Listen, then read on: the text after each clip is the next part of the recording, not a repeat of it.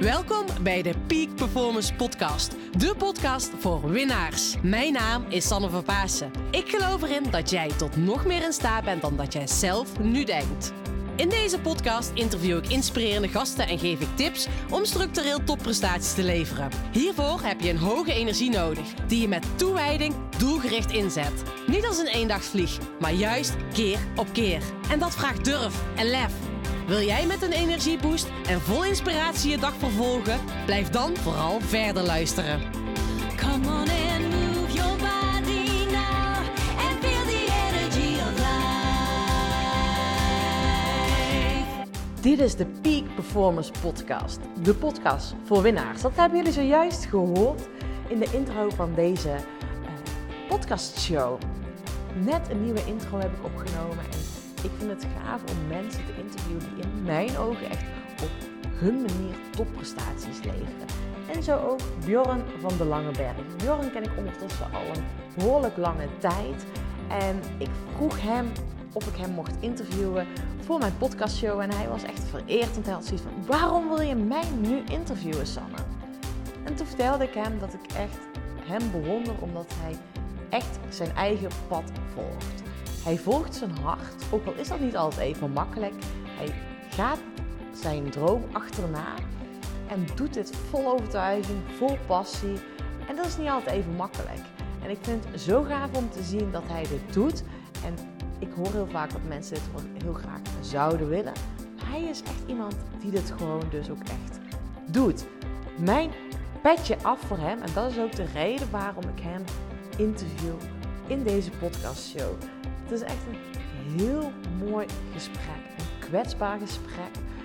ehm, over het leven, over hoe je je eigen business neerzet, hoe je met je angst omgaat, hoe je die overwint.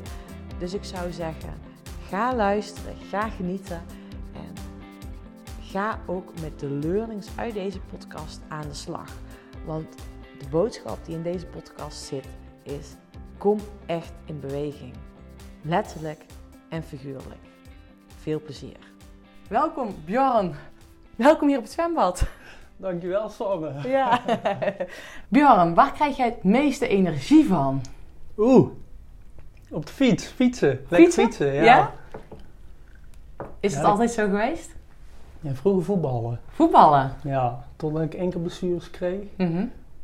En toen zei de dokter op een gegeven moment tegen mij, ga maar eens een andere hobby zoeken, want ik zie jou veel te vaak. Mhm, mhm. En toen is fietsen geworden. Ja, en hoe lang doe je dat nu al? Ehm, even denken, 2012, 2013 heb ik al op de 6 gedaan. Mhm. Toen ben ik echt serieus, eh, Gaan fietsen. ja serieus. Ik was geen prof zoals jij, maar eh, Iets meer eh, gaan fietsen. ja.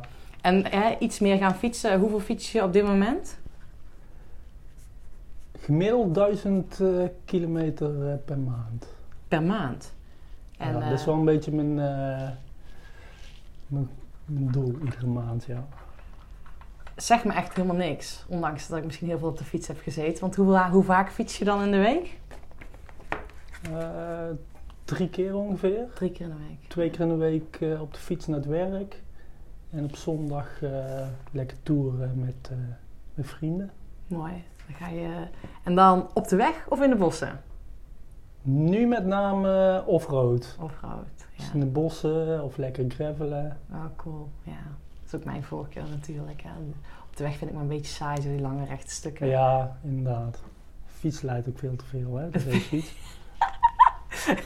Dus dat is inderdaad ook zo. Maar Bjorn, waarom ik jou uit heb genodigd voor deze podcast is gewoon dat ik het gaaf vind omdat jij in mijn ogen, maar ik denk ehm, in de ogen van heel veel mensen, echt doet wat je heel graag wil doen. Dat je je eigen pad bewandelt.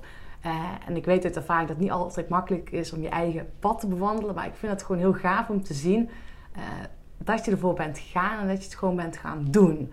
En daarom vond ik het gewoon heel gaaf om jou te spreken.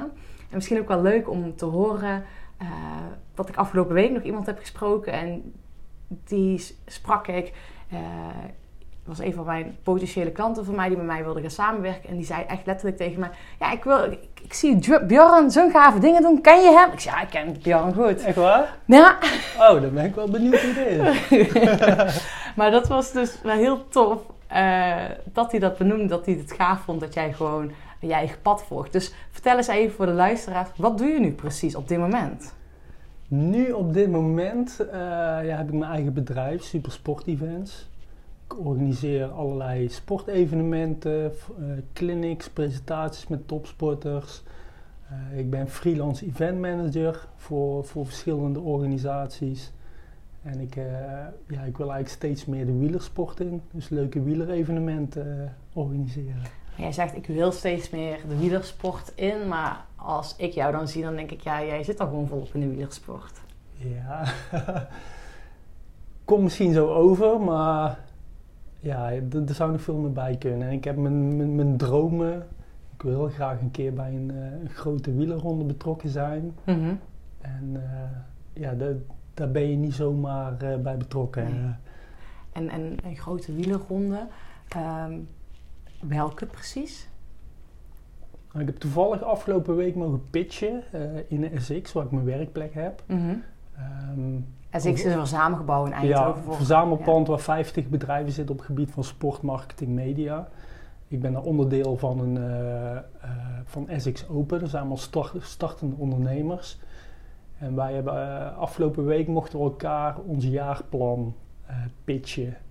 En een van de vragen die, die we eigenlijk moesten beantwoorden van, was wat is jouw stip op de horizon? Mhm. En toen heb ik aangegeven, ik zou heel graag betrokken willen zijn bij een grote wielerronde eh, die start in ons eigen land. En het liefst de Tour de France. Ja, Ja, en dat gebeurt niet ieder jaar. nee. Toevallig is eh, volgend jaar eh, de start van de Vuelta in Ja. Nederland. Dus ja, daar ben ik me nu een beetje op aan het focussen. Van hoe kom ik in dat netwerk om ja, dat, ik, dat ik daar ook iets in mag betekenen, kan betekenen. En dat is niet, dan spreek je niet over 2019, maar 2020. Dat is 2020 jaar, maar die voorbereidingen die, die beginnen nu overal al. Mhm. De afgelopen week was in Breda ehm, ja, eigenlijk de kick-off eh, Mhm. van de Vuelta-plannen. En dat was ook leuk. Dat was ook eh, de vraag bij eh, ehm, de- die pitch van die jaarplannen van ons. Was je stip op de horizon?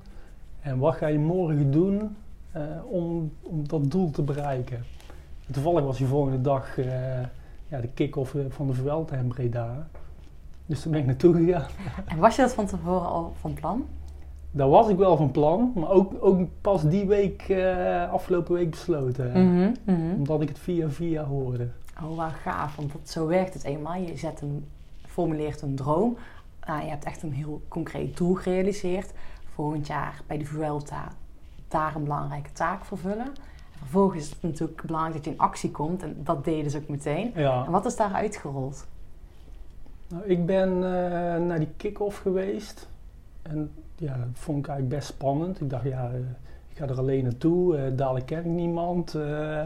maar ik kom eraan en er waren denk ik wel tientallen mensen die ik kende. En ook mensen die op mij afkwamen die ik niet kende, maar die mij kenden. Mhm, Ja, mhm. van, oh, ja, Ja. Ging eigenlijk beter dan verwacht. En eh, doordat ik daar ben geweest, heb ik nu al eh, drie vervolggesprekken eh, met mensen die geïnteresseerd zijn om eens te kijken van, hey Bjorn, wat kunnen we rondom de Vuelta doen? Want ze willen allerlei side-events eh, organiseren. Mhm, Ze willen het bedrijfsleven erbij betrekken. mhm. Ja, toevallig zit ik daar ook een beetje in, in die Ja. hoek. Dus Ja. ja, wie weet. En, hè, want dit is eigenlijk wel een, een, kom meteen een concrete tip voor de luisteraar. Van kom echt in actie en kom in beweging. Stel Ja. een droom, ga het doen. Ehm, en wat ook heel erg belangrijk is en wat ik jou hoor zeggen, is omring je met de juiste mensen die je dus inspireren.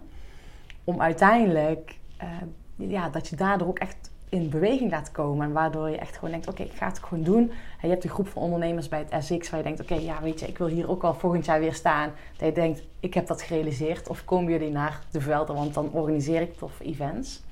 Dus dat is denk ik voor de luisteraars heel belangrijk. Mhm. Maar heb je voor jezelf concreet wat jij precies tijdens die Vuelta wilt gaan doen? Wat jouw taak gaat worden? Of jouw droomtaak gaat worden? Of droomevent? Om eerlijk te zijn, niet. Ik, ik, ik doe alles op gevoel. Mhm. Alles op gevoel en vanuit een passie. Ik vind het super om eh, fietsevenementen te organiseren, om ermee bezig te Mhm. zijn. En, ja, en de Vuelta is zo, zo groot. Ja, eh, daar kun je zoveel in betekenen. Ik ga er gewoon blanco in en ik ga gewoon netwerken en Mhm. ja, dan zie ik wel eh, Mhm. wat er op mijn pad komt. Ja, werkt dat voor jou het beste? Dus dat je er open in gaat en dat je dan, eh, ja, dat je dan maar ziet wat je op je pad komt. Want ik, bedoel, ik kan me niet voorstellen als ik jou een beetje ken dat jij blij bent met een ehm, elektrische fietsenrace voor opa's en oma's om ze te activeren op de fiets te gaan komen. Nee, dat klopt. Ja, toen, eh, toen ik daar was, toen eh, werd al kenbaar gemaakt, ze willen het bedrijfsleven erbij betrekken. Mhm. En toen had ik meteen zoiets, hey, ik ben lid van Chima Copy. Mhm. Ben je ook, hè, Sander? Ja. Even voor de luisteraars. Chima, mag. Ja, tuurlijk. Ja, ja, ja, ja.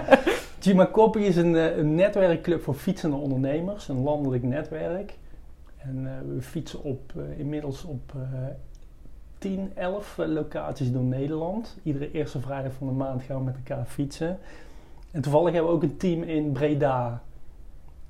Eh, dus ik ben naar die kick-off gegaan en toen bleek dat daar al eh, vier of vijf man van Chima Copy Breda was. Mhm.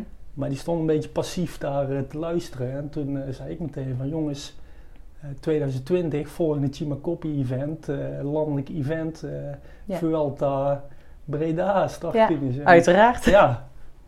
Dus ja, dat is sowieso wel een haakje waar we misschien iets mee kunnen. Ja, gaaf. En eh, ja, Leuk. En voor de luisteraars, als ze mee willen fietsen, wij fietsen allebei in Eindhoven, dus laat ons even een berichtje achter als jullie mee willen fietsen met ons. Dan kunnen jullie met ons een keer mee fietsen, altijd heel erg gezellig. ja super. En mooi netwerk aan ondernemers Ja. houd je daar aan over. Dus je bent echt concreet die stappen aan het zetten voor die Vuelta. Ehm, enorm gaaf, maar wat misschien nog wel even interessant is, want ehm, ik weet dat wij ook een gemeenschappelijke deler hebben. We hebben allebei een agrarische achtergrond. Ehm, dus volgens mij, neem ons even mee. Hoe ben je opgevoed en wat waren vroeger je ambities? Nou, ik ben eh, de oudste uit een gezin van vijf kinderen. En eh, mijn ouders hadden een boomkwekerij. En ik was eigenlijk in de wieg gelegd om thuis de kwekerij over te nemen. Zo gaat het thuis. Hè? Je bent de oudste, dus eh, ik weet niet hoe het bij jullie was eh, op de boerderij. Ja, was, min, werd min of meer verwacht tussen haakjes, ja. Ja, jij bent ook de oudste. Ik ben ook de oudste, ja. Dus Van vier kinderen. Eigenlijk, eh, oh, van de vier. Ja.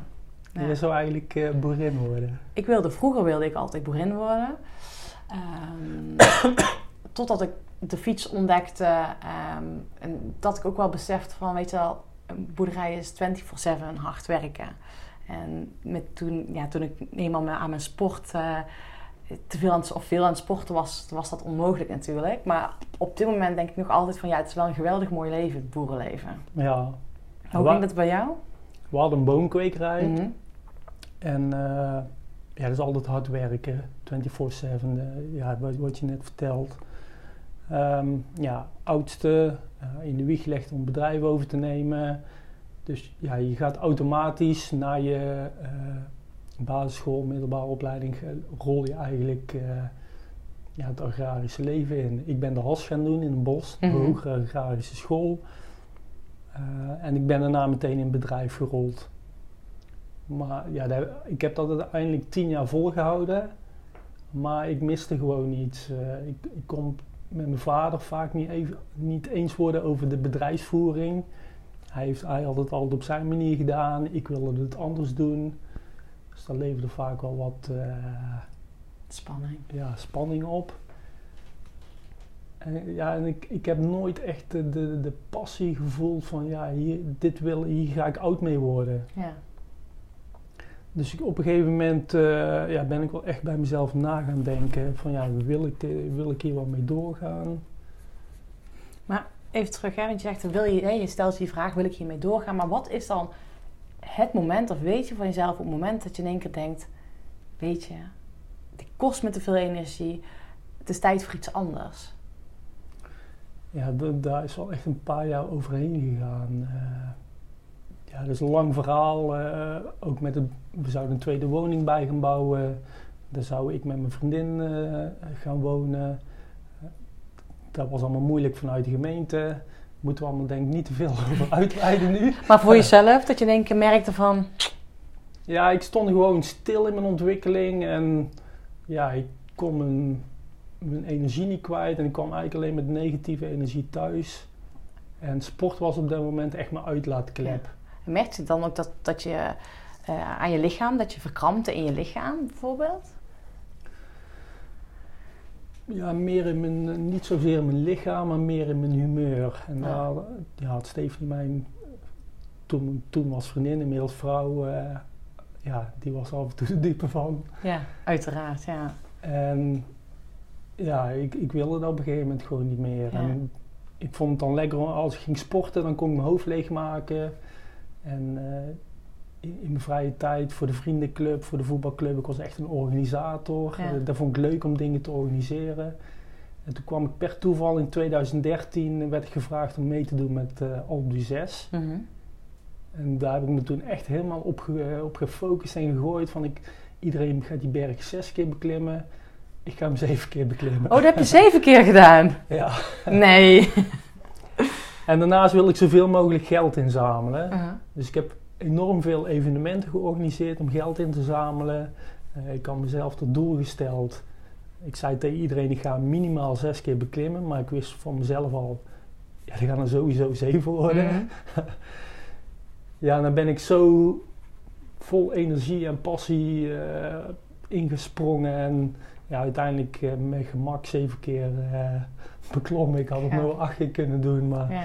ja, dan streef, streefde ik een beetje mijn doel voorbij daar. Want het ging echt om het goede doel en Ja. niet om mijn sportieve prestatie. Maar dat gaf me zoveel energie, heel dat traject er naartoe Mhm. en het evenement en het, het organiseren van evenementen om geld in te zamelen. En ik zag daar wat, ja, wat sport met mensen doet, hoe het inspireert en verbindt. En Mhm. dacht, ja, hier wil ik gewoon iets mee gaan doen. eh. Ja. Ja. En toen, ja, bijna letterlijk op de top van Alpe d'Huez heb ik eh keuze gemaakt van, ja, ik ga het bedrijf gewoon niet overnemen. Ik ga voor mezelf eh, beginnen en de sport in. Zo, want je zat op dat moment al echt in het bedrijf bij je ouders. Dus je hebt echt die keus gemaakt en zelf weer de regie genomen van... Het is tijd voor iets anders. Ja, het was heel moeilijk toen. En ik zag er ook wat tegenop, omdat iedereen dacht van ja, Bjorn die gaat thuis het bedrijf overnemen, die komt in een gespreid bedje terecht. Wat gaat hij nou doen? Ja, ja, ja. Ja, wel super knap.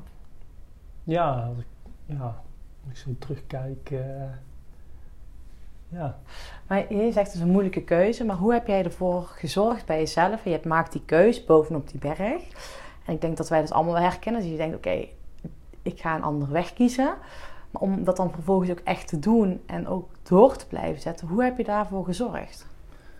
Nou, ik heb toen de tijd eh, eigenlijk zo iemand zoals jij, een, een, eh, een, een eh, coach gehad.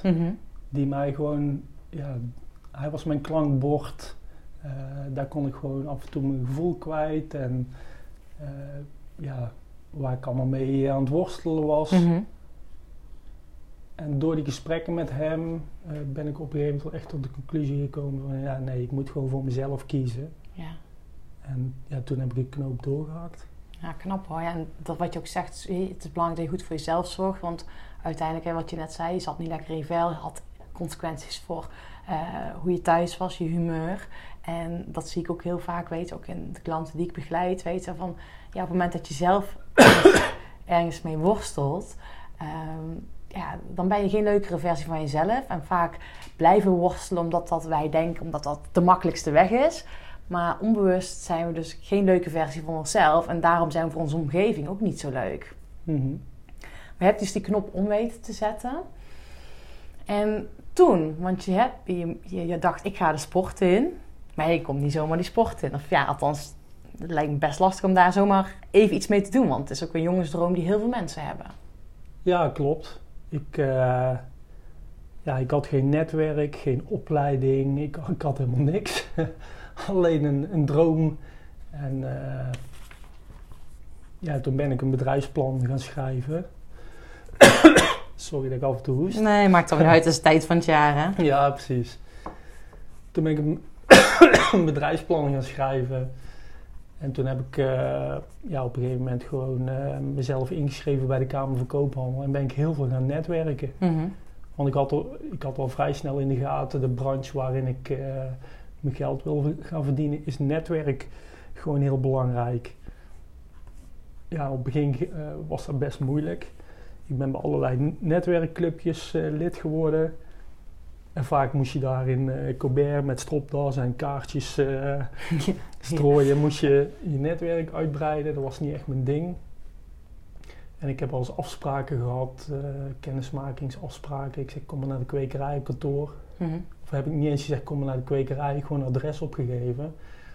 En dat ik gewoon werd gebeld eh, tien minuten van tevoren voor een afspraak. Ja, Bjorn, ik sta hier eh, voor een boomkwekerij. Ik weet niet of het goed zit.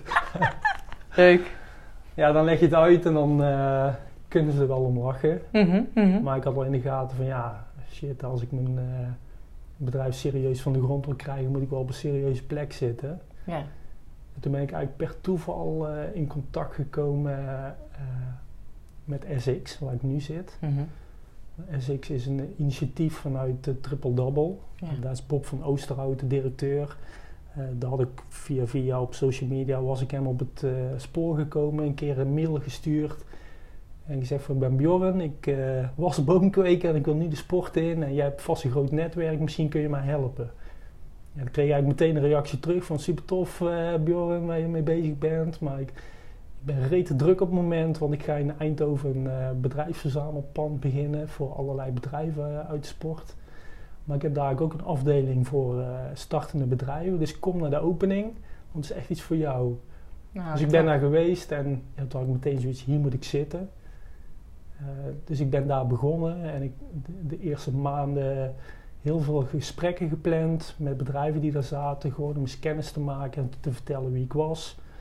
En er was al heel snel bereidheid om mij te helpen, om in contact te brengen met topsporters. En eh, ja, van daaruit heb ik mijn eerste referenties opgebouwd.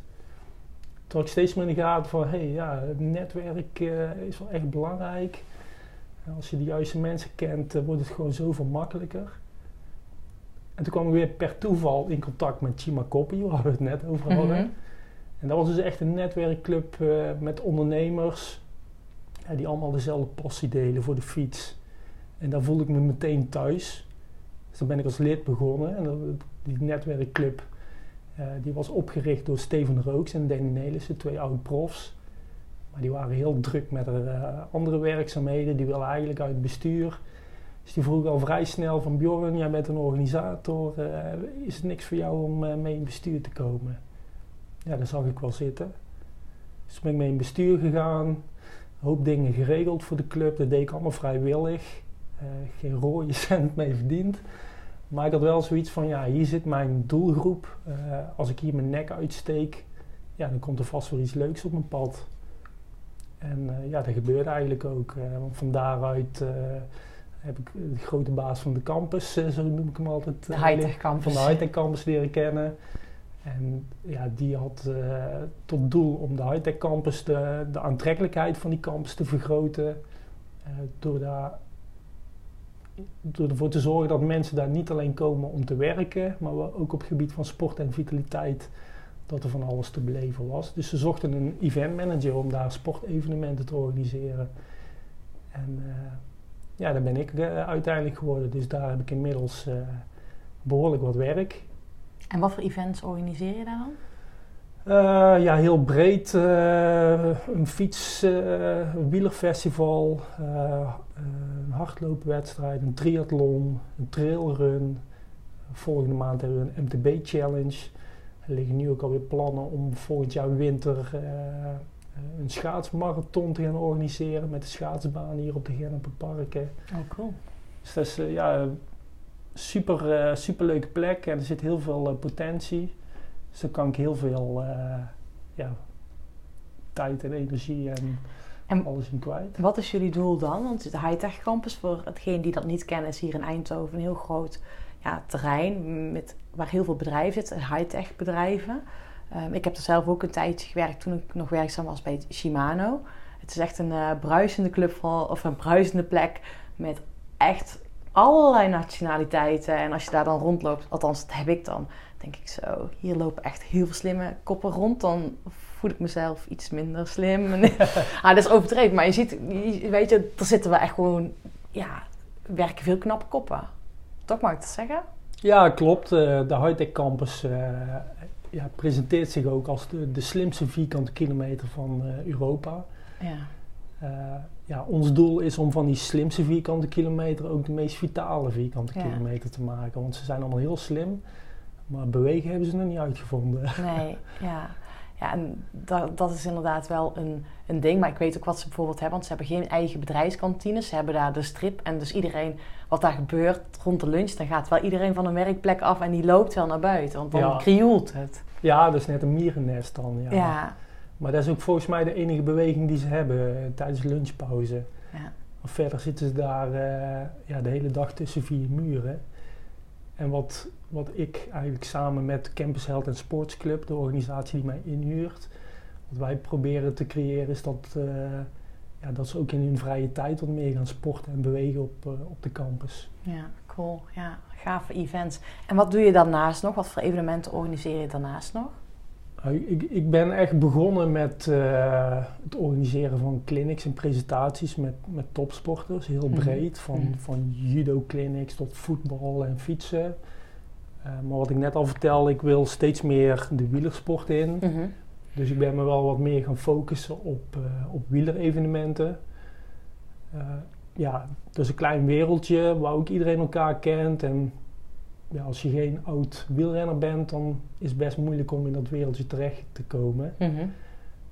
Dus ik ben ook daarin gaan nadenken, oké, hoe kan ik hier mijn netwerk in opbouwen? Eh, toen ben ik wielercafés gaan organiseren. Gewoon een gezellige avond, drie profrenners erbij. met een hoop publiek, wielerliefhebbers, Mhm. die onder het genot van een biertje verhalen van de renners aanhoorden. Mhm. Nou, ik, op het begin ken ik alleen eh Karsten Kroon. Die heb ik een keer gevraagd van wil je eh, mijn eerste gast zijn in mijn wielercafé? Mhm. Ja, dat vond hij superleuk. En toen heb ik hem gevraagd van ja, kun jij nog twee eh, andere profrenners uitnodigen? Oh ja, dat was geen probleem. En toen heeft hij eh Laurens ten Dam en Bram Tankink uitgenodigd. Ja, dat was zo'n superleuke avond die eerste keer. Eh, dat eigenlijk die renners al meteen zeiden, oh dat moeten we vaker gaan doen, we moeten gaan toeren. Dus toen ben ik vaker wielercafés gaan organiseren. En eh, ja, van daaruit wel ja, een soort ja, ik wil zeggen, bijna vriendschapsband eh, wel opgebouwd met een aantal renners.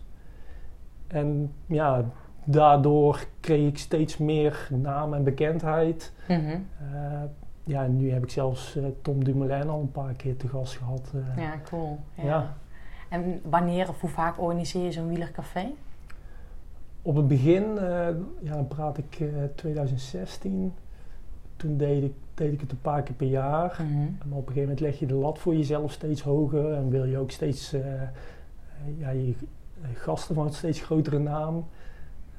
Toen heb ik op een gegeven moment gezegd, ja, ik ga er nog maar één keer per jaar doen op eigen titel. Mhm.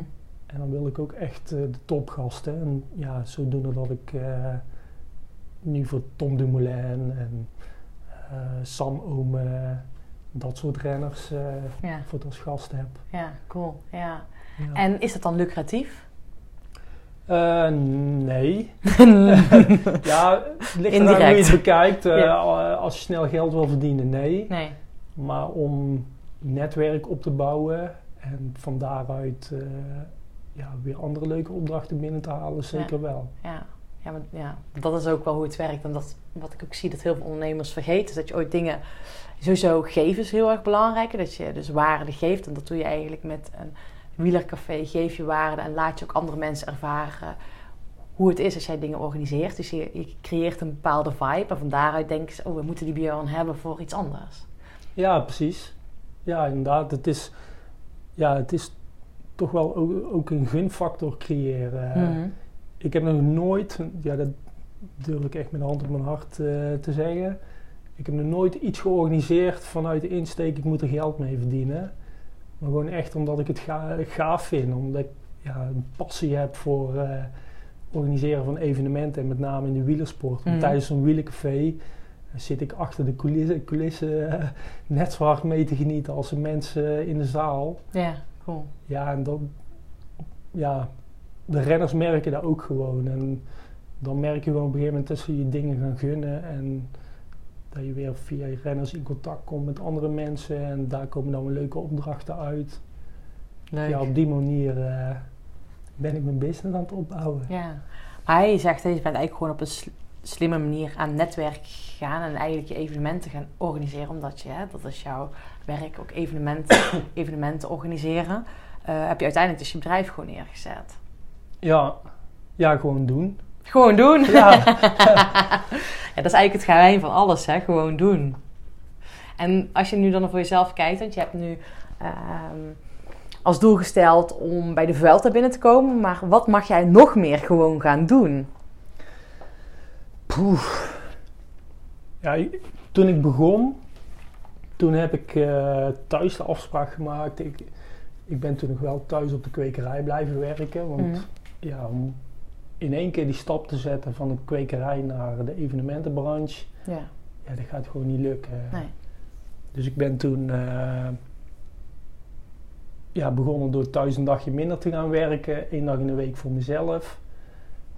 En dat heb ik eh, de afgelopen jaren eigenlijk de kwekerij afgebouwd en mijn eigen business opgebouwd. En ik ben nu eigenlijk bijna twee jaar fulltime bezig. Leuk feitje, volgende maand ben ik officieel vijf jaar voor mezelf al bezig. Volgend jaar.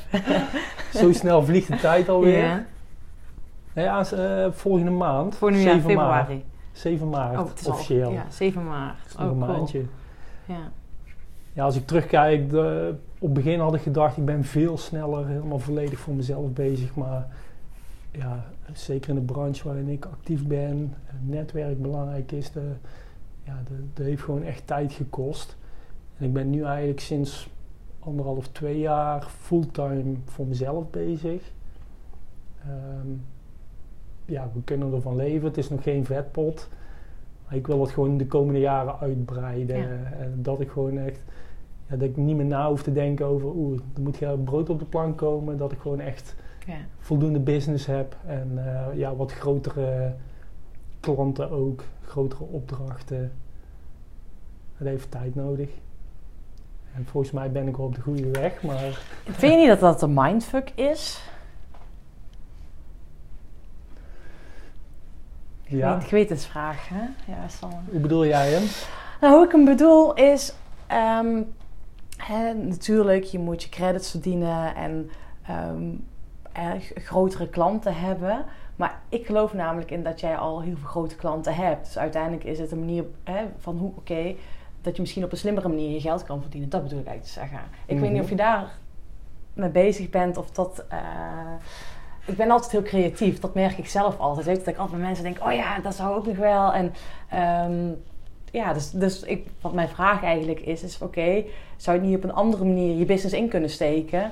Ehm, dat je het op een creatieve manier, eh, zeg maar, die stap kan maken. Dat het dan weer, in plaats van dat het lang duurt, om eh, die volgende stap te maken qua business. Ja, in die fase zit ik nu een beetje. eh, Mhm. Klopt wel. Afgelopen jaren, kijk, voor veel mensen lijkt het allemaal dat ik alleen maar met toffe dingen bezig ben. Maar het is gewoon echt ja, super hard werken en heel veel investeren. Ja. En vaak maak je twee keer zoveel uur als die je kunt eh, factureren. Ja. Ja, nu ben ik wel op het punt te komen eh, ja, dat ik gewoon keuzes kan maken. En eh, ja, dat ik ook nu het netwerk heb om, om gave dingen op te starten. ja, cool. Ik, ik heb ook wel plannen met wat renners om leuke dingen te gaan organiseren. Ja. Ja, dat heeft gewoon tijd nodig gehad om, om op dat punt te komen. Ja. Ja, dat is ook zo. Dingen kosten gewoon tijd. Eh, Van de andere kant, ja, je hebt gewoon je thuissituatie. Eh, we hebben inmiddels twee kleine kindjes. Ja, je wil ook dat er brood op de plank komt. Dus er zit een soort, ja, toch wel een bepaalde druk achter. ja. Dus je kunt niet alles maar op je, op je beloop laten. En, eh, Nee, ja, daarom hè, zeg je aan de ene kant, ik heb tijd nodig. Maar eigenlijk wil je gewoon dat... Soms wil je, die, wil je dat die tijd sneller gaat. ja, ja. Dus dat is het. En dat, dat is natuurlijk wel... ja, doet dat iets met jou? Dat je ooit denkt, oké, ik had eigenlijk hè, gewild dat soms dingen sneller gaan. Want je gaf al aan van, ik ben volgende maand vijf jaar ondernemer. Je werkt twee jaar nu fulltime voor jezelf. Ehm, op het begin had je waarschijnlijk verwacht dat je veel eerder fulltime van jouw bedrijf zou kunnen leven. Wat heeft dat met jou gedaan? Ja, dat levert af en toe toch wel eh, wat stress op. Ook al ben ik met dingen bezig waar, die ik alleen maar tof vind. Ja, Ja, toch zit er af en toe wel een stukje stress eh, van shit. eh, ja, als het allemaal maar goed gaat en als Mhm. ik maar genoeg verdien. En Ja. ja, ik wil dat thuis, ze thuis niks tekort komen. Ja. Natuurlijk, ik heb al vanuit. Dat is wat ik thuis mee heb gekregen, altijd hard werken en dat heb ik altijd gedaan. En Ja. eh, ze doen ook wel een reservepotje opgebouwd, maar ja, je, dat is niet iets waar je op wil gaan teren. Nee. Er moet gewoon eh, geld binnenkomen. Maar eh, ja, nee, het, gaat, het gaat wel steeds beter, maar Ja. af en toe levert het wel, Ja. wel stress op. eh. Ik denk dat heel veel mensen dit herkennen. Vooral ook mensen die ondernemer zijn. Weet je, aan de ene kant hè, wil je doen wat je heel erg leuk vindt. Dus dat is al heel gaaf dat je gewoon die keuze hebt gemaakt. Maar we hadden het straks nog voordat we eh, ehm, de recorder aanzetten, hadden we het er nog over dat we. Ik, ja, ik had jou een filmpje laten zien over mijn presentatie. En toen zei je, ja, oh, de, jij, gaat, jij staat zo krachtig op het podium. Toen zei, toen zei ik ook van, maar ja, ik heb ook nog steeds dat stemmetje in mijn hoofd. Eh, van ja, eh, zal, ik het, zal ik wel goed mijn verhaal kunnen vertellen? Kan ik het publiek nog wel goed entertainen? En dat is eigenlijk hetzelfde stemmetje wat jij nu zegt, hè, van over zal ik wel genoeg verdienen? Dus, dus lukt het me wel als ondernemer? Dat is natuurlijk een stukje die onzekerheid ehm, die, eh, ja, die, die wij allemaal hebben. Alleen wat natuurlijk de angst is, of angst, wat we vaak zien, is alleen die buitenkant. En we zien vaak alleen maar de resultaten. Eh, oh, die vette projecten die je aan het doen bent. Of eh, dat iemand op een podium staat. Of iemand die heel hard fietst. Of ehm, noem maar op. En Ja. ja, we zien natuurlijk niet wat er in dat hoofd omgaat. En ook die stemmetjes die er wellicht kunnen zijn. Nee, klopt. Alleen niet Ja. iedereen. Ik hoop het wel. ik hoop het wel. Af en toe denk ik wel eens van jeetje. eh. Ja, word je wel eens gek van je stemmetjes in je hoofd dan? Eh, ja, En wat Ja. doe je dan? wat doe ik dan? Dan pak ik de fiets, ga ik een stuk fietsen en eh, dan maak ik mijn hoofd leeg. Dat dacht ik al. Ik denk, ja, zijn vraag die ik nu stel, dat Was weet een ik inkoppertje, Die was een inkoppertje, ja, ja, ja. Maar ja, je, je verlegt je focus en, eh, en je gaat ja, daarvoor zo... eh, ja, en dan kun je alles even relativeren. En, ja, soms ben ik ook wel gewoon een beetje onzeker van ja, ik was boomkweker. Eh, ik heb nooit geen opleiding gehad. eh, dat vinden ze me wel goed genoeg in Ja. wat ik doe. eh, Ja, ja, ja, dat is iets wat ik eh, mezelf aanpraat volgens mij. Ja. Want als ik, eh, als ik iets organiseer, doe ik het gewoon goed. En krijg ik ook vaak alleen complimenten. Maar ja. ja. dat is af en toe wel iets waar ik eh, te veel mee bezig ben. En eh, ja, Zou je daar minder mee bezig willen zijn? ja. Ja.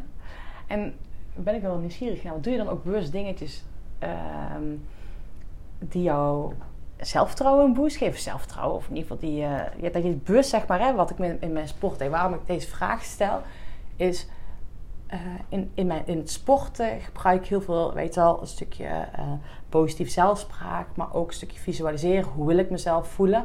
En dan heb je dat in principe ook, want we hebben samen een keer eh de Nisramond gedaan. en, en Ja, dat heb geweten. een wedstrijd met kajakken, eh mountainbiken en trailrun.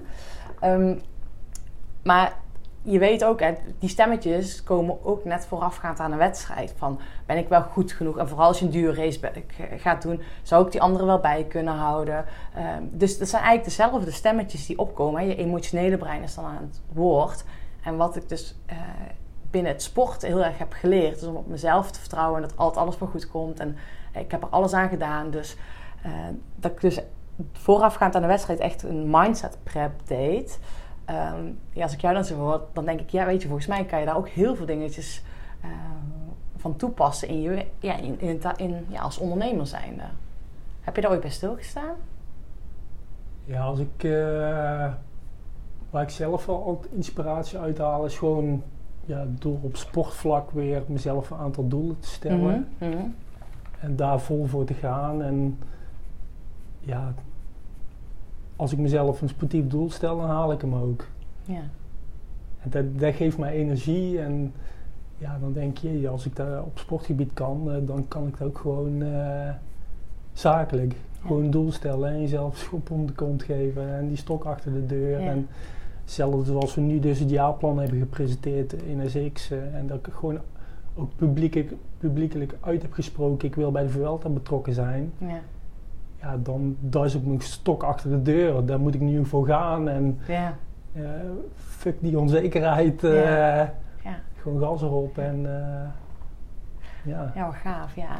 Ja, weet je dat, dat, is, dat is ook wat ik heb gezien. Op het moment dat je heel concreet doelen stelt... en ik heb het met mijn bedrijf ook nu afgelopen periode gedaan... heb ik ook echt resultaatdoelen gesteld, ook qua omzet. Ik vind het echt zo bizar op het moment dat je dus heel concreet doelen stelt... ehm, dat 9 van 10 keer dat je die doelen ook realiseert. Ja. Dat is natuurlijk met sporten zo, maar dat is ook in het bedrijfsleven is het ook zo. Ja, zeker. Ik ben er wel van overtuigd dat dat werkt. Ja, als je jezelf gewoon doelen stelt, of dat het nu sportief of zakelijk is, ja, dan heb je echt iets om je op te focussen en voor te gaan. En Ja. eh, Ja. ja, met de juiste mindset eh, moet dat ook lukken. Ja, tuurlijk. Ja, helemaal tof. En wat wordt je sportieve doel dit jaar? Of doelen misschien wel?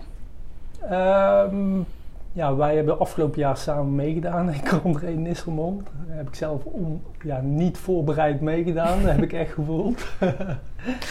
Dit jaar ga ik weer meedoen. Dat is eh, eind maart al. We Mhm. doen nou niet samen mee, maar ik doe nu dus eh, gewoon met een, eh, geen mixteam, maar met een mannenteam mee.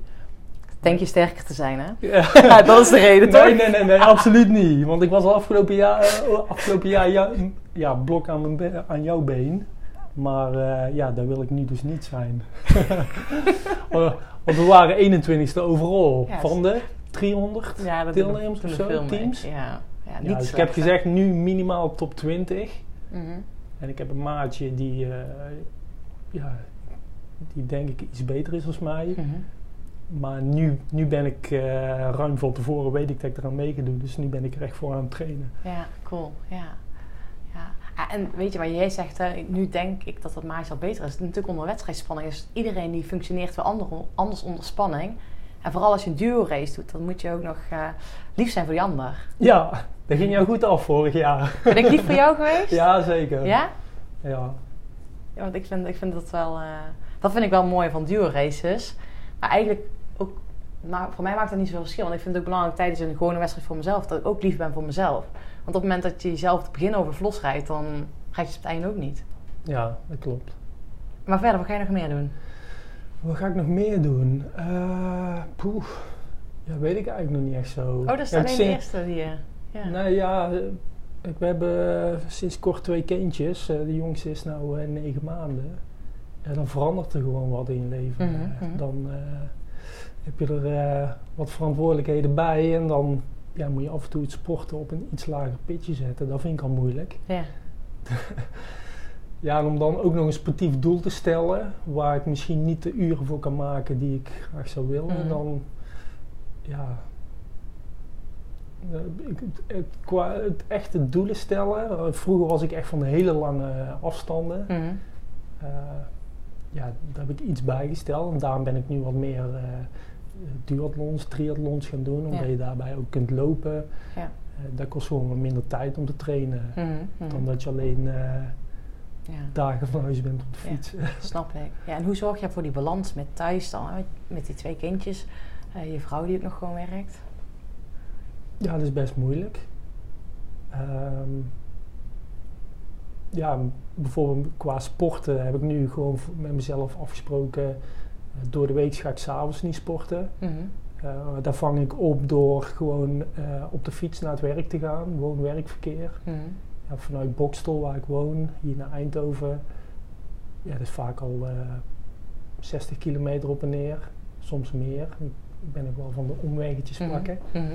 Dus dan heb ik eigenlijk mijn door de weekse training al gedaan. Eh, en als ik de hond uit moet laten, trek ik mijn hardloopschoenen aan. Ja, Dan kan ik het lopen eh, eh, combineren met hond uitlaten. slim. Ja. Dus gewoon een beetje effectiever met je tijd omgaan. En Mm. dan kun je toch sporten en eh, ben je s'avonds thuis voor, voor, voor de familie. Leuk, ja. Kun je eten met de kids, samen lekker in bad, een Ja. verhaaltje voorlezen in bed. En, eh, Ja, gezellig. Ja. Dat hoort ook gewoon, hè? Ja. ja. En welke dingen staan er nu nog op jouw planning die voor jou spannend zijn? Of die uitdagend? spannend zijn. Uitdagend? Ja, ik zou, ja, daar hadden we het net over voordat we de opname starten. Ik zou gewoon wat meer zelfvertrouwen willen krijgen eh, door voor een groep te spreken. Mhm. Kijk, zo één op één met jou eh gaat me nog wel goed af. Mhm. Maar als hier eh, in dit kamertje 15 man had gezeten, dan, eh, oeh, dan, eh, guts het zweet onder mijn oksels vandaan. Mhm, mhm.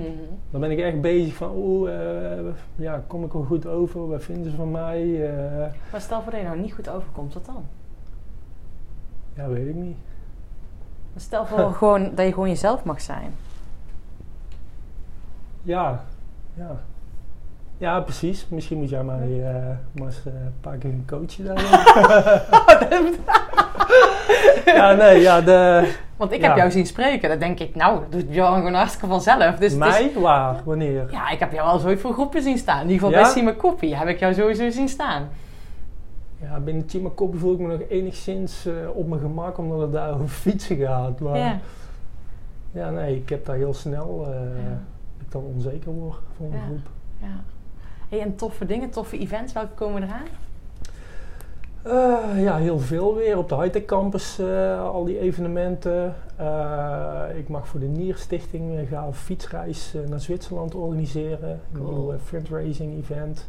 Oh, gaaf. Eh, met Laurens ten Dam hebben we een gravel, eh, gravel weekend in Duitsland, in de Eifel, waar Oh, ik cool. productiemanager ben. Eh, ik ben nu gevraagd, dat is wel leuk, mijn eh, ben ik echt vanuit passie begonnen. Mhm. Ik ben nu door een theatermaatschappij benaderd om met mijn wielencafé naar theater te gaan. Nee, echt? Ja, ja. Oh, cool. Dus om het wat groter op te zetten. En dan gaan we dit jaar een paar keer proberen. En als het aanslaat, dan ja, wie weet eh, wordt het volgend jaar echt een theatertour. Oh, super gaaf. Ja. Oh, dat is tof. En waar ben je nu het meest trots op? Waar ben ik het meest trots op? Poef. Zakelijk? Ja, nou ja, sowieso op je kinderen en je Ja, vrouw. eh, ja, precies. Dat privé ja. En ja, zakelijk. eh, ja, dat ik. Ja, ik wil. Ik sta af en toe te weinig stil bij wat ik heb eh, bereikt. En jij zei het laatst tegen mij, het feit dat jij mij vraagt voor, eh, voor dit interview, eh, ja, daar sta ik als iets, hoezo vraag je mij daarvoor? Ja. Ja, af en toe moet ik iets meer stilstaan bij waar ik vandaan kom en wat ik bereikt heb. En omdat ik dit jaar ja, al vijf jaar Bestaan. bezig ben ja. En ook nog eens 40 jaar al word, zou je trouwens niet zeggen. Nee, hè? zou je niet zeggen. Ik dacht net eh 33. Ja, echt? nee, maar ja, dan heb ik zoiets van, ja, dat wil ik dit jaar wel eh, gaan vieren. Ja, oh gaaf. Ja. Ja, maar- ja, ja, ik vind wel dat ik toch wel trots op moet zijn wat ik al heb bereikt als boomkweker. Ja. Eh, dat ik nu ja, toch wel ver heb geschopt al. Eh, weet ik zeker. En ehm, nee, als ik jou zo zie, dan vind ik het gewoon heel gaaf om te zien welke stap je hebt gemaakt. Hè. We, zijn, nu, we hebben net even een stukje over je onzekerheid, maar ik denk dat je echt super trots mag zijn waar je staat. Want ondanks dat, maar iedereen heeft dat stemmetje op zijn schouder zitten, heb je toch maar gewoon geflikt. Weet je, dan heb je elke keer jezelf die stoute schoenen aangescho- ge- eh, aangetrokken om het toch te gaan doen. Mhm. En op jouw manier te gaan doen. Want ik denk dat dat heel belangrijk is. Wat jij net ook zegt. Hè. Ik vind het belangrijk dat ik mijn passie volg. Ehm, ook de evenementen doe waar ik mijn passie in voel. Dus speciaal in de wielersport. Ehm, daar voel je je ook het meest comfortabel bij. Dus ja, dat jij zegt net ook van ja, als ik voor groepen sta bij Simon Koppie. Ja, daar, daar praat ik gewoon omdat het over fietsen gaat. Ja, maar weet je... ehm, Ook daar vind ik het nog spannend hoor. Nee, maar wat ik wil zeggen is dat je gewoon op het moment dat je dus vanuit je, hè, dat jij je passie volgt en dat je daardoor door dat te blijven volgen, dat je jezelf wel elke keer uit je comfortzone komt. Ook al is dat misschien spannend, maar dat is Mhm. prima. Dus en dan kom Ja. je er wel. Ja, klopt. Ja, dat is wel, ja, klopt, maar het is wel iets waar ik nog aan moet, eh, moet werken van mezelf. Daar mag je trots op zijn. Ja. En als je één evenement dit jaar zegt en je denkt, daar heb ik georganiseerd, Sanne. Of dat moment tijdens een evenement. En toen dacht ik echt, jeetje, hier doe ik het voor. Ja, dat heb ik eigenlijk bij, bij elk evenement wel. Als ik deelnemers met een glimlach eh, op hun gezicht zie, dan denk ik, ja, hier, hier doe ik gewoon voor. eh, Cool. ja. Ja. Het is gewoon die tevredenheid van die... Ja, gewoon iets betekenen eh, voor de wereld, voor andere mensen, de wereld een stukje vitaler maken. Mensen, ja, als ik ooit overlijden, mensen zeggen, ja, hij heeft echt iets betekend. verschil gemaakt. Ja, Ja. de wereld een stukje beter gemaakt. Nou, daar ben je in ieder geval goed mee bezig.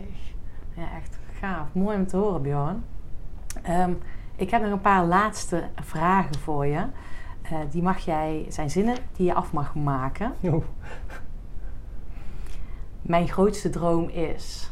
En dan wil ik eigenlijk dat jouw nog grotere droom dan deel te nemen aan, of een bijdrage te leveren aan Vuelta was je grootste droom. Jezus. Ja, mijn grootste droom was ooit een profrenner te worden, maar dat ga ik niet meer redden. Op je veertigste, nou ja. Nee. Ja, jeetje. Nog een reis of zo met je kinderen, met je familie. Nee, ik ben niet zo, eh, niet zo van het reizen. Poeh, mijn grootste droom. Die vind ik echt heel moeilijk. Ik doe alles op mijn gevoel en eh komt zoals het komt. Nou, dat is ook een mooie. ja, mooi. Vind ik ook mooi. Je een mooie plek op je gevoel dat je gewoon... eh, Ja, ja. ja gelukkig worden. Gelukkig zijn. eh, Ik wil Ja. ik zag jouw gezicht.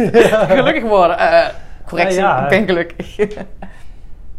sommige mensen zeggen misschien veel geld verdienen of weet ik het wat. nee, Oh, gewoon ik- gelukkig zijn, doen wat je leuk vindt en ja, maar dan ben je ook... Want dat doe je. Je bent, doe, doe wat je leuk vindt. En dan ben je in mijn ogen heel rijk. En ehm, ik had afgelopen woensdag... eh, was ik met mijn buurjongetjes gaan trampoline, trampoline springen in zo'n jump square. In zo'n groot ja. Oh, dat heb ik gezien, ja. Ik heb jou Ja. springen op eh, Ja. Instagram volgens Ja, mij. echt superleuk. En ik geef hun altijd belevingen voor hun verjaardag. Want ik vind het heel belangrijk dat, weet je, je hebt genoeg spullen en kan die kinderen nog wel iets geven. Maar ja, dat belandt toch bij de grote hoop. Mhm. Dus ehm, mijn woensdag was anders verlopen. Of ik had in ieder geval tijd in mijn agenda. En ik, zij kwamen bij mij langs de deur. Ik zei, hebben jullie niks te doen? Nee, ik heb niks te doen. Ik zei, weet je wat? Dan gaan we vanmiddag trampoline springen. Oh, dat is goed. Dus wij trampoline springen. En toen zaten we in de terugweg in de auto naar huis. Zegt dat buurjongetje tegen mij, het zijn er drie, maar het oudste zei tegen mij... Sanne, jij bent helemaal niet rijk. en ik moest wel lachen en ik vond het wel een mooie uitspraak. Ik zei, hoezo ben ik niet rijk? Hij zei, Sanne, je woont in het dorp. eh, je woont gewoon in de wijk. En je rijdt een kleine auto. Ja. Of, of je rijdt een oude auto. Nee, ik- wij rijden helemaal geen oude auto. We rijden een polo, gewoon een mooie polo. En wij wonen, vind ik, in een groot huis. Maar inderdaad in de wijk. Ehm, dus toen ging ik met hem een gesprek aan. Ik zei, maar wat, wanneer ben je dan rijk? Ja, als je een groot huis hebt en buitenaf woont, een grote auto. Ik zei, oké. Maar ik zei, je weet helemaal niet hoeveel geld ik op mijn rekening heb. En dat doet er trouwens ook niet Nee. toe. Ik zei, maar weet je wat rijk zijn eigenlijk echt is? Ik zei, rijk zijn is dat je je rijk voelt.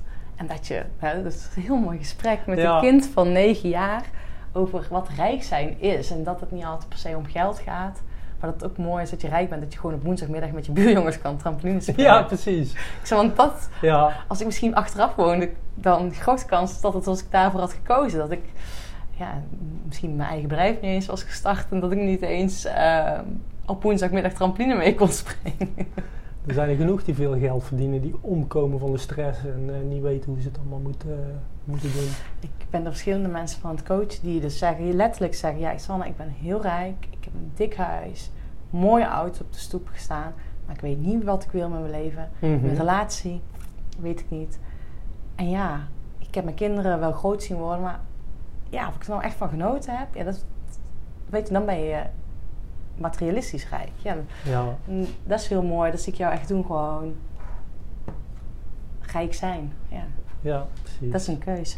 Oh ja, ik had nog meer Je vragen. had er nog meer, hè? Ja, ik geloof in. Ik geloof in eh, dat je door eh, bewegen, eh, sporten, meer energie krijgt en gelukkiger wordt. Dat doe jij ook goed. ik wens de wereld. Ik wens de wereld. eh, dat- jeetje. Ik zet je niet zomaar ontspot. Nee. Ik wens de wereld. ehm, jeetje, wat moeilijke vragen, ja. De wereld. Volgens mij heb je het... een, een mooie toekomst. eh poeh, eh, ja, Je zei het straks zo mooi, die sportevenementen of dat je... Ja. ik wens de meer wereld eh, meer glimlach eh, toe. Dat zei je inderdaad net. Je zei net inderdaad, als mensen gewoon met die glimlach over de, over de streep komen, dan ben ik al heel blij. Ja, ja, zeker. Ja, tegenwoordig als je social media ziet hoe, ja, hoe mensen af en toe kunnen reageren op berichten en dingen. Ja. denk je, jezus. ja. Niks beters te doen. Ja, ja ik, ik sta er ook wel zoiets van te kijken. Dat mensen zomaar hun mening uiten. En inderdaad, social media is heel makkelijk. Maar zou je dat in het echt ook tegen iemand zeggen? Vraag ik me dan wel eens af en zo. nee, precies. Het voelt wel lekker veilig hè, van, vanuit social media. Ja, Lekker roepen. Ja. Heb je dat zelf ooit meegemaakt? Dat ze negatief richting mij op social media? Nee, gelukkig niet. Maar ik moest vanochtend wel lachen. Die, die kerel die nou op social media helemaal eh, trending is, die met zijn eh, middelvinger bij Mathieu van der Poel op de foto staat, die Belg. Heb je niet gezien? Nee. Oh, er is één foto dat Mathieu eh, op parcours zit, dat er een, een supporter op de achtergrond, een Belg met zijn middelvinger omhoog staat, Mhm. in, één, in één beeld gegrepen. Mhm. Ja, die staat gewoon vol met zijn gezicht op beeld. Dus ik denk dat hij vandaag iets uit te leggen heeft bij zijn baas. Oh, en met welke context stond hij in de krant? Nou, Mathieu had hem zelf gedeeld eh, op zijn Instagram story. Dan zit hij heel mooi onder classy. Ja. Met eh, de vingertjes bij. eh, Ja. Van klasse, jongen. Oh, oh, dat is bijzonder. Ja, ja, ja. Ja. Mathieu, voor de luisteraars die, niet, die het niet hebben gevolgd. Gisteren is Mathieu wereldkampioen geworden. Hele mooie wedstrijd. Zeker. Ja, een dameswedstrijd. Oh, Was mooi commentaar. Ik stond helemaal op mijn stoel. Nou ja, ik vond het heel mooi dat Sanne kant won. Maar ik stond wel met commentaar geven. Ik zat helemaal aan mijn adrenaline. ja, ik heb hem op Eurosport gekeken met jouw commentaar. Ja? Ja. Ik vond dat je opvallend positief was, ondanks dat ik geen Nederlander eh Ja. won. Ik vond dat zij oprecht de beste renster in Ja. de race was. ja, de focus die ze al heel de race had. Zij, was, zij reed, ja, dat is dan ook een beetje mijn tak van sport natuurlijk. Mentaal vond ik gewoon dat zij heel sterk was. Ja, dat straalde er Ja. ook vanaf gewoon. Dat zag je van- vanuit, eh, Ja. vanaf de bank. Ik vind het natuurlijk balen dat er geen Ne- Nederlandse kampioen is. Maar ik vind wel dat de beste heeft, of nou ja, niet de beste van het seizoen, absoluut niet. Maar de beste van die wedstrijd heeft gewonnen. Juist een moment gepiekt. Ja, ja dat is waar. hey, Björn, dankjewel. Graag gedaan. Ik vond het eh, leuk. Hm. Ook hier zag ik een beetje tegenop. Nergens voor Maar- nodig. Ja, het Nee, was ja, een mooi gesprek. En mooi eh, om jouw verhaal te horen. Dankjewel. Graag gedaan. Dankjewel voor het luisteren. Dit was weer echt een tof interview. Ik heb er weer heel veel waardevolle inzichten uitgehaald. Mocht jij nog iets voor mij willen doen, want ik zou het leuk vinden als nog meer mensen naar mijn podcast gaan luisteren, zou ik het tof vinden als je voor mij een eh, review schrijft. En, eh, of deelt op social media. Tag me gerust. En eh, ik vind het enorm leuk om jullie reacties te lezen. Dus dank je wel hiervoor. En eh, nou, mocht je een specifieke vraag of nieuwsgierig zijn naar een bepaalde gast, stuur me gerust een berichtje via social media. Nou, jullie kunnen mij vinden op Sanne van Paassen. Fijne dag en tot de volgende keer. Come on your body.